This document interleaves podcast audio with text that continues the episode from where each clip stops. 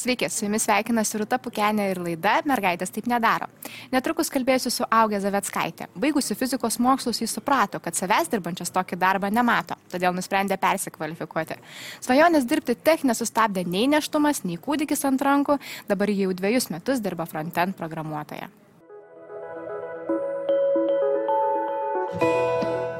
Sveiki, Augė. Sveiki. Augė, pradėkime nuo pradžių. Kodėl nusprendėte studijuoti fiziką ir kur įsivaizdavimas, ką dirbsite, prasilenkia su realybė? Um, aš labai pavydžiu žmonėm, kurie 18 metų uh, yra apsisprendę ir žino, ką jie nori veikti likusiu gyvenimą. Aš nebuvau viena iš tų.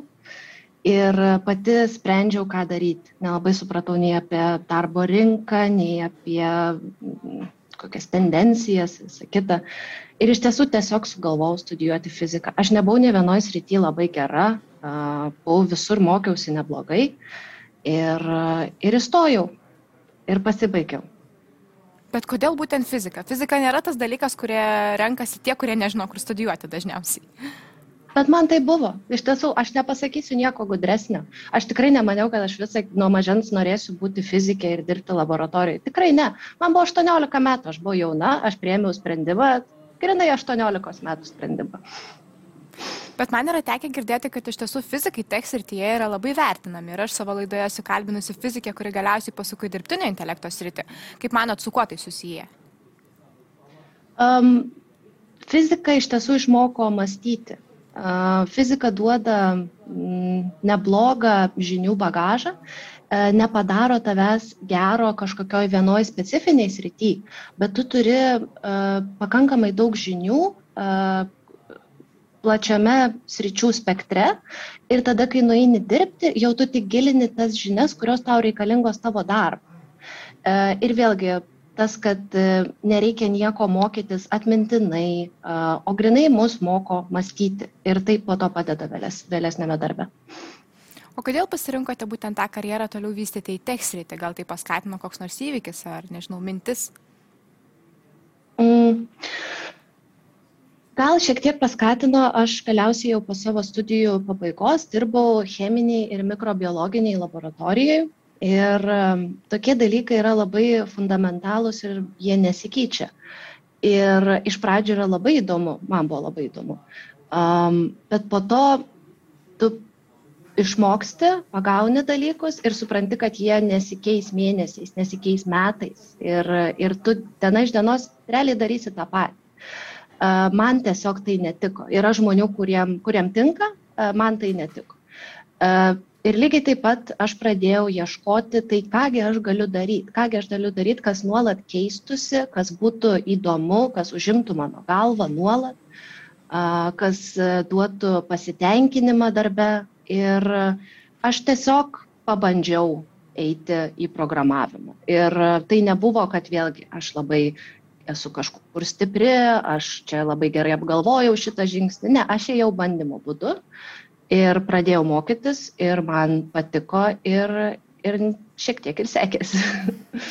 Bet tas jūsų kelias į tech, žinau, kad nebuvo lengvas. Papasakokite apie jį daugiau. Um, pradėjau aš, kadangi nežinojau, nuo ko pradėti. Labai gerai, kad tuo metu siūlė kursus pradedantiesiems, dabar manau, jie irgi yra. A, tai aš pradėjau nuo jų. A, tiesiog, kad man paaiškintų, ką, kur ir kaip daryti. Ir pirmiausia jau į šešių savaičių kursus, tada atlikau praktiką trijų mėnesių, tada vėl ėjau į dar vieno mėnesio kursus, tada jau gavau tokius darbelius, kaip jie vadinasi, už angliškai vadinasi kaip freelancinimo, o lietuviškai laisvai samdomi turbūt, taip. Taip, taip. Uh, tai jau tada dirbi viską, ką gauni, viską, ką turi ir nelabai pats renkies. Uh, Tada kartu gavau pasiūlymą dirbti mentorę vaikų technologijų akademijai. Tai tas irgi prisidėjo ir vėl, ir visą laiką tiesiog norėjau eiti tolyn ir mokiausi, mokiausi po truputį ir toj akademija vėl paprašė, gal galite mūsų puslapį prižiūrėti. Va, taip, taip ir keliavau, keliavau. Kol nukeliavau iki vienos akademijos, kurioje jau dirbau komandoj, prie didžiulio projekto buvau mažo, maža dalis to. Ir supratau, kad aš toliau noriu taip dirbti, nenoriu dirbti savo, nenoriu būti uh, vieno žmogaus projektus daryti, noriu būti uh, mažesnė dalelė didesnės, didesnės uh, kažkokios misijos, vizijos. Ir tada supratau, kad noriu eiti į didesnį įmonę klausantis jūsų atrodo, kad į tekst ritina nėrėte stačia galva, bet pradėkime dar grįžkime šiek tiek prie to mokymosi. Jūs labai daug mokėtės, vieni kursai po kitų, kita praktika, viena praktika po kitos, kuri iš jų patirčių atnešė jums daugiausiai naudos. Ką patartumėte daryti tiem, kurie svarsto apie galimybę įti į tekst rytį? Mm yra, yra, nėra lengva. E, man dar buvo ne, ne tiek pats tas mokymasis e, sunkus, kiek dar apskritai aš e, buvau šiek tiek vyresnė. Tai visi mano aplinkoje žmonės tuo metu jau darė karjeras, jau kilo, kilo karjeros laiptais, jau turėjo kažkokiu pasiekimu, o aš tiesiog viską perverčiau ir vėl pradėjau nuo nulio. Tai tas dar duoda tokį labai per pasitikėjimą, kad nu, sunku, sunku prisiversti tą daryti ir, ir, ir nenori, sunku yra vėl visko nežinoti, sunku yra nesuprasti. Uh, tai tu tiesiog nori kuo, kuo greičiau nori suprasti, kuo greičiau nori jaustis patogiai, o žinios tai yra, kas, tai yra mano, mano patogumas. Jeigu aš jau žinau, jeigu aš jau suprantu, aš automatiškai jaučiuosi geriau. Tai vėlgi nebuvo kitos išeities, tai reikėjo mokytis. Ir, ir vėlgi aš tikrai nesu ta, kuriai uh, viskas labai lengvai sekasi. Man reikia tikrai labai daug darbo įdėti, kad man būtų aišku. Ir, ir vėlgi, čia nėra jokio stebuklingo recepto. Tiesiog, tiesiog eini, žiūri, darai ir būni labai labai kantrus, uh, savo ypač, ir tiesiog leidi klysti, leidi, leidi užtrukti ir darai. Bet kaip nesugriūti tame kelyje? Įvardėt labai gerus patarimus, leidi klysti, e, kantrybės ir turbūt visiems mums reikėtų tos kantrybės daugiau ir kasdienybėje, nes dabar visi kažkur skubam, visi norime kuo greitesnio rezultato, kuo greičiau pasiekti dalykus. Tai kaip rasti savietos stiprybės, na išlaukti ir žingsnis po žingsnio dėlioti savo planą te karjeros rytyje? Mm Iš tiesų nežinau. Labai tai yra sunku ir, ir, ir labai norisi tą padaryti kuo greičiau ir aš tą labai norisi ateiti iki komforto zonos, o mokymasis naujų dalykų yra, yra išėjimas iš komforto zonos. Tai yra automatiškai stresas ir, ir tu niekaip kažkaip nepagreitinsi, nepagerinsi šito, šito, šito viso proceso. Aš manau, kad gal, gal kas dar mums trukdo, tai mes iš anksto įsivaizduojam, kad mes kažko nesugebam, mes esam per prasti, nepakankamai gudrus, aš čia dabar neturiu, dabar laikas netinkamas, aš neturiu kažkokių sugebėjimų, kažkokių um, įgūdžių reikalingų, aš tikrai negalėsiu. Tai pirmas stabdis tai yra pačiuose mumise, mūsų viduje, uh, tai tą reikia peržengti. Ir, ir vėlgi pasikartosiu, aš niekada nebuvau labai gera, labai gudri. Fiziką įstojau pačiu paskutiniu numeriu ir tenai gale visą laiką ir, ir, ir buvau kažkur grupės. Ir man visą laiką reikėjo labai daug darbo įdėti ir, ir, ir nėra čia kažkokio pagreitinimo šito dalyko. Bet man atrodytų, kad jūs labai atkaklinės. Nežinau, manęs asmeniškai tai negali neįkvėpti tai, kad savo tikslo neatsisakėte ir besilūkdama vaiko. Dar prieš laidą jūs man pasakojate, kad net būdama septintą mėnesį neščia, toliau sukdavotės tiek bendruomenėje. Ar sulaukėte tuomet tik palaikymo, gal buvo ir netokių malonių patirčių? Um, tuo metu, kai jau buvau neščia, um, iš tiesų šiek tiek prasidėjo darbo pasiūlymai. Tai buvo nemalonu aš jų neatsisakydavau. Pati tokia, man paskambindavo, sakydavo, va, gal norėtum ten nuolatos pas mus dirbti ar ką. Ir aš negalėjau nepasisakyti, kad aš neš čia. Bet aš negaliu sakyti, bet aš nesakiau, kad aš atsisakau, nes aš neš čia. Aš leidau jiems mane atmesti, kaip pasakyti. Tai gal tai buvo nemalonu, bet tai yra suprantama aš nežinau, ar tai galėtų kažkaip kitaip žmonės elgtis ir, ir tai yra normalu. Bet uh, tas, kad uh, užsiregistravau į akademiją ir uh, užsiregistravau ten keli mėnesiai prieš. Tada buvo uh, atranka internetu, o po to reikėjo atvažiuoti gyvai ir buvo toks kaip workshopas, kaip atranka.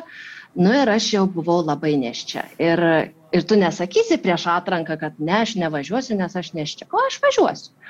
Ir užsidėjau plačiausią mėgstinį, kuris ten net manęs pačias, pačios neapgavo, ten jau tikrai matėsi mane viskas. Ir aš buvau atrankoje. Ir galvoju, nu, va, jiem dabar reikia spręsti. Aš noriu dalyvauti, aš galiu. Neštumas nėra kažkokia, bent jau man, nebuvo kažkokia barjeras, trikdis kažko nedaryti. Uh, ir kai aš sužinojau, kad mane paėmė į akademiją, aš taip juokiausi ir aš buvau tokia laiminga, kad tai nebuvo jiem barjeras. Jie puikiai supranta, kad tiesiog aš dabar esu tokioj būsenoj, situacijai, uh, jinai nėra amžina ir, ir tos žinios, kurias aš um, gausiu akademijoje, jos tai liks ir aš jas panaudosiu tiesiog vėliau, gal ne iš karto po trijų mėnesių, bet tarkim po metų ir trijų mėnesių. Tai man buvo labai džiugu. Ir vėlgi sakau, gal mes patys tik tais truputėlį kartais galvojam, nu tai neims manęs tikrai, bet eini, bandai ir žiūrėk, žmonės nustebina. O kaip toliau klostėsi jūsų karjera? Pataisykite, jeigu klystu, bet berots su kūdikiu ant rankų nesustojot ir būdama, kai vaikučių buvo penki mėnesiai, jūs jau pirmąjį darbą sukotės? Taip, taip. Um, na, vėlgi, mano žiniomis, uh, vaiką, vaikas yra dviejų žmonių dažniausiai. Tai, tai nėra taip, kad vaikas yra mano asmeniškai atsakomybė, bent jau mano atveju taip nebuvo kad e, aš esu viena, vaikas yra mano ir aš daugiau nieko neturiu. Aš esu už e, lygybę, už pasiskirstimą vienodą atsakomybių. Uh, tai vėlgi, tai, tai tas man padėjo. Um, daugiau taip, daugiau pinigai, nes auklės, privatus darželiai, valstybinių darželių, jeigu nu, nuo pusantrų metų gauti praktiškai neįmanoma, tai reikia pinigų turėti iš tiesų ir tada, tada viskas daug lengviau. Bet iš kur rasti tų pinigų, nes pradedat suka moteris su naujas rytis, susilaukia vaiko, atrodo, tų lėšų trūksta, ta baimė yra didelė. Dar vaiką baisu palikti. Klausantis jūsų, viskas skamba labai įkvepiančiai, bet iš patirties žinau, kad tai yra labai sunku. Kaip jums pavyko, koks tas yra sėkmės receptas? Aš turėjau santaupų. Aš labai atsakingai tam ruošiausi, nenėriau su uh, kažkokiais įsipareigojimais stipriais, e, palikau darbą ir ėjau ir galvojau, nu dabar nežinau, iš kur sekančią algą gausiu ir mokesčius sumokėsiu. Ne, aš tam ruošiausi. Aš turėjau pagalbę, kad aš galėčiau uh, kaip minėjau, keisti specialybę jau yra stresas. Ir dar jeigu reikėtų galvoti, iš kur man sumokėti mokesčius, iš ko man maistą nupirkti, tai jau man būtų per daug, aš nebūčiau šito pakėlus. Tai aš turėjau santaupų ir jos buvo skirtos tam, kad aš galėčiau atsiduoti mokymuisi ir nesirūpinti tais dalykais aplinkos spaudimo nebuvo, nes kurdama šį projektą supratau, kad bene daugiausiai kritikos moterų sulaukia iš moterų. Jūsų patirtis šį faktą patvirtina ar paneigia? Negaliu pasakyti iš aplinkos, ypač iš moterų, tikrai negaliu, negaliu patvirtinti, nieko panašaus nesusidūriau. Pasikartosiu, man atrodo, kad didžiausias spaudimas yra iš mūsų vidaus, kad mes manom, kad mes esame nepakankamai geri, nepakankamai daug žinom ir nesugebėsim jau iš anksto dar net nepabandę. Tai čia yra svarbiausias, kad tą reikia savyje peržengti, o po to nieko panašaus nesusidūriau. Kita jūsų karjera tech srityje rutuliuojasi na, labai pavyzdingai. Pirmieji darbai, mentorystė, mokymai. Žinau, kad esate aplankius ir Lietuvos regionus, populiarindama savokos technologinis kūrybiškumas idėją. Ką jums tai reiškia? Kodėl tai turėtų būti svarbu mums visiems? Man asmeniškai e, buvo labai artima e, dalyvauti projekte Šimtas mokyklų, e, keliauti ir vaikam dekonstruoti darbą IT srityje. Nes būtent aš prisimenu, kai buvau jaunesnė, man visas, visas technologinė, visas rytis, visas IT sritis buvo tokia kaip labai didelė ir nepajudinama ir neišskaidoma. Ir tu nežinai, nuo ko pradėti ir kartais tiesiog truputėlį išskaidimas ir šiek tiek nuleidimas ant žemės, kad tai nėra taip kažkoks, oh, wow, čia nesuprantama, čia tik tam, o ne, o ne tau, čia nežinia, kažkokiam išrinktiesiam, kurie mokosi programuoti nuo penkių metų, čia tik tie eina ten, aš tikrai neįsiu. Tai tas toksai ką daro. Ne? Tai mes vat, ėjom, tarkim, po mokyklas ir labai paprastai aiškinom, kad, tarkim, yra kompiuterinis žaidimas. Ir, nu, atrodo, kad čia jau tik programuotojai dirba prie kompiuterinių žaidimų. Bet taigi yra tokie, kurie kuria muziką. Yra tie, kurie piešia personažus, yra tie, kurie testuoja, yra tie, kurie rašo istoriją. Kiek yra darbų ir kiek tu gali, ir tai bus vis tiek darbas tech srity. Ir tas truputėlį, truputėlį priartina. Ir tą reikia daryti kuo anksčiau, tiesiog dekonstruoti kažkokius mitus, kažkokius vidinius įsivaizdavimus ir artinti, artinti tą visą tech uh, sritį kuo arčiau, kuo būti padaryti žemiškesnį. Man tas buvo labai artima. Ar ta situacija, požiūriai technologijas regionuose skiriasi, nes neretai dar tenka išgirsti, kad turime dvi Lietuvos - Vilniuje ir kitose regionuose. Ar iš tiesų tie ryškus skirtumai egzistuoja kalbant apie technologijas, stereotipus? Man sunku pasakyti, nes Vilniui aš dirbau tik tais dvi savaitės e, mentorė dienos stovykloje, tai turiu per mažai duomenų, kad kažką labai lyginčiau. O daugiau aš dirbau mentorę vaikų akademijoje virš metų, dirbau Klaipėdų ir Plungiai. Buvo kažkokių tokių skirtumų, tokių pavyzdžiui, kaip Klaipėdos vaikai, nors jie visi vienodo amžiaus, e, tiek Klaipėdoje, tiek Plungiai, bet Klaipėdoje vaikai visi mokėdavo anglišką, Plunginę. Tai Klaipėdai buvo lengviau, nes aš jau galėjau duoti užduotis anglų kalba iš interneto, o jau plungiai jau reikėdavo ar versti, ar ieškoti. Bet tokie labai jie, jie nedideli ir jie nėra esminiai, kaip pasakyti. Vaikai visur yra vaikai ir jie visur yra labai smalsus, labai kūrybingi, be galo smagus. Aš turėjau patį geriausią laiką. Jie prisigalvodo tokių gerų linksmybių ir, ir man labai labai smagu būdavo. Ir uh, tikrai negaliu kažkaip apibūdinti kitaip, kad čia kažkas kitokio. Aplinkybės šiek tiek galbūt, bet vaikai visur vienodi.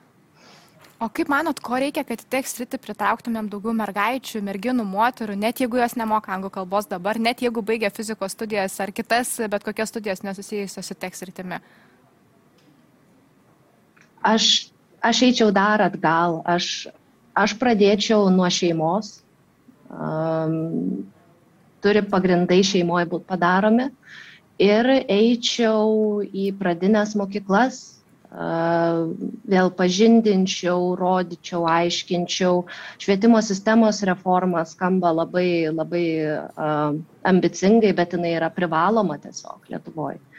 Ir, ir reikia, reikia daug anksčiau siekti pačių vaikų, ne tik mergaičių, bet, bet apskritai visų vaikų reikia siekti daug anksčiau.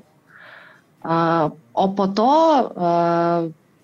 vėlgi reikia visus palikti įsivaizdavimus, ko tu sugebi, ko tu ne, ką tu gali, ko tu ne už durų ir tiesiog eiti ir bandyti. Ir tu labai greitai pajauti, ar tau smagu, ar tau išeina, ar tave, ar, ar tave veža. Ir, ir jeigu matai, kad ne, viskas tvarkoj, turigi ir muziką kurti kažkas, ir piešti, bet sakau, tas labai greit pasimato ir tas teikia labai labai didžiulį pasitenkinimą. Tai tiesiog nesustoti. Ir man atrodo labai žavu tai, kad tekstritis yra labai plati ir turbūt kiekvienas gali rasti savo vietą čia. Tikrai taip. Tai ačiū Jums labai augę, kad pasidalinot savo patirtimi ir savo istoriją. Na, labai tikiuosi, kad šie patarimai įkvėps ir pasuks daugiau moterų į tekstritį ir vyrų taip pat, nes žmonių mums čia labai trūksta. Ačiū Jums labai, kad pakvietėte. Ačiū ir jums, žiūrovai, kad buvote kartu su mumis. Labai tikiuosi, kad augęs mintis ras kelią jūsų širdį. Padėkoti taip pat norėčiau mūsų projekto remėjai ir partneriai Baltika Madeus. Iki kitų susitikimų.